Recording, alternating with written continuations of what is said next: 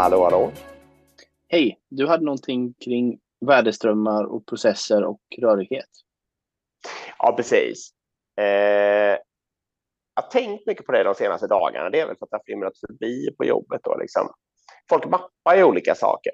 Det är egentligen så det börjar. Då, liksom. Mm. Man kan mappa, man kan tänka i olika termer, man kan mappa olika saker. Det är lite samma. Då.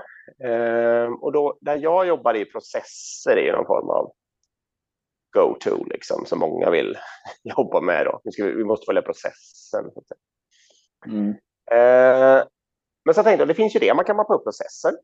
Man kan välja att mappa upp eh, värdeströmmar med där Mm. ett värdeobjekt rör sig och blir mer och mer värdefullt.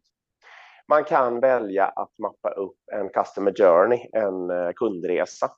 Mm. Eh, och det är ju då, då behöver det helt plötsligt, det kan ju vara, men behöver absolut inte vara en värdeström, utan då är det snarare att man Mm. ser, tittar på liksom företagets eller organisationens erbjudande och kundens perspektiv. Liksom. Eh, jag vill ha ett, ett huslån. Vad, vad händer? Jag går in på nätet och Mm. ansöker om ett lån eller ofta och så och då kan det röra sig en massa värdeströmmar bakom eller bara en eller två. Och då funderar jag på vad är det för bra med de här olika grejerna? Och det, nu kommer min hypotes då. Och den är Mm. ganska enkel helt enkelt. Och det är att om din organisations största utmaning för tillfället är kundupplevelse, då ska ni i första hand satsa på att mappa upp eh, eh, kundresor. Mm. Om er organisations största utmaning för tillfället är eh, effektivitet, alltså att det kostar för mycket att få fram den varan eller tjänsten som ni försöker göra, eller att ni i alla fall vill få ner det, då ska ni mappa upp värdeströmmarna. Mm. Och processerna, eller processer, Skit i ska dem. ni strunta i. Exakt, det är bara en fälla. Det var kul att jag Det- hann förutse den. Det är min hypotes helt enkelt. Ja, men bra. Jag fattar. Ehm, Ja. Man kan bara för- förtydliga då liksom vad vi menar när vi menar värdeströmmar. Vi var ju på Volvo Cars eh, i ett annat Ja. sammanhang. Ja. Och då hade de ju faktiskt försökt dela upp sig i värdeströmmar. Till exempel då så hade de ju en grej som jag kommer ihåg var liksom inredningen på insidan av bilen. var en. En annan var ju till exempel in, in, entertainmentsystemet eller själva liksom det som Ja. integrerar med föraren för att byta radiokanal eller slå in en GPS-adress och så vidare. Och det- vackra med det sättet att bryta upp sina värdeströmmar på det är ju just att det där går ju att sälja till Toyota teoretiskt. Om nu Volvo skulle konkurrera Ja, eller ja, gå i konkurs liksom. Då Absolut. kan den värdeströmmen leva vidare som ett eget företag.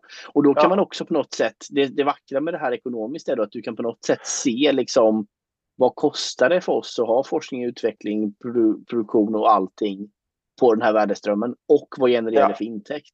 Det är det som blir liksom hela, och då, det är därför du menar med effektivitet, liksom, att börjar du mappa upp det där så kommer du ganska snart se vad det är som kostar pengar och vad det är som genererar intäkt. Ja. Och då kan du ganska enkelt lägga ner det som kostar mycket pengar och inte genererar så mycket intäkt. Ja. Och det kan man inte se i en vanlig organisation när man blandar allt hej Nej, exakt.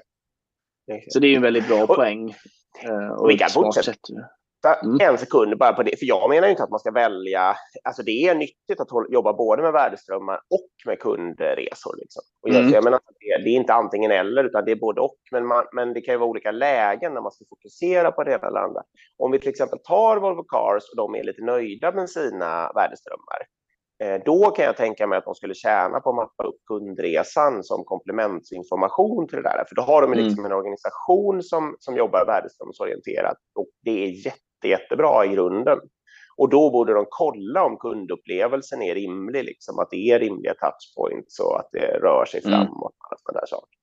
Så man behöver liksom jobba med båda eh, på ett intelligent sätt och beroende på var man står och var man har mognat någonstans. Det är väl egentligen det jag försöker säga. Mm, jag håller med.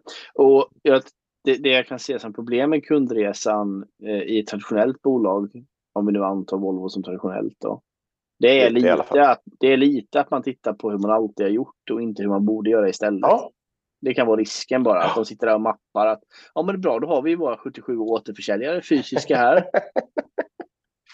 och så Då måste vi ha kaffe. Då måste, ja exakt. Och så, och så Ja. kommer liksom Tesla då och säljer allt online och inte har en enda, har ingen lo lokal kostnad överhuvudtaget och, och så vidare. Mm. Ehm, så det är lite risken bara med att gå in liksom att man måste också vara lite nytänkande i, Ja, i, i samband med att man gör det där. Innovera, ja. Men det, var, det, var, det väckte mycket tankar hos mig så hoppas det gjorde hos er också.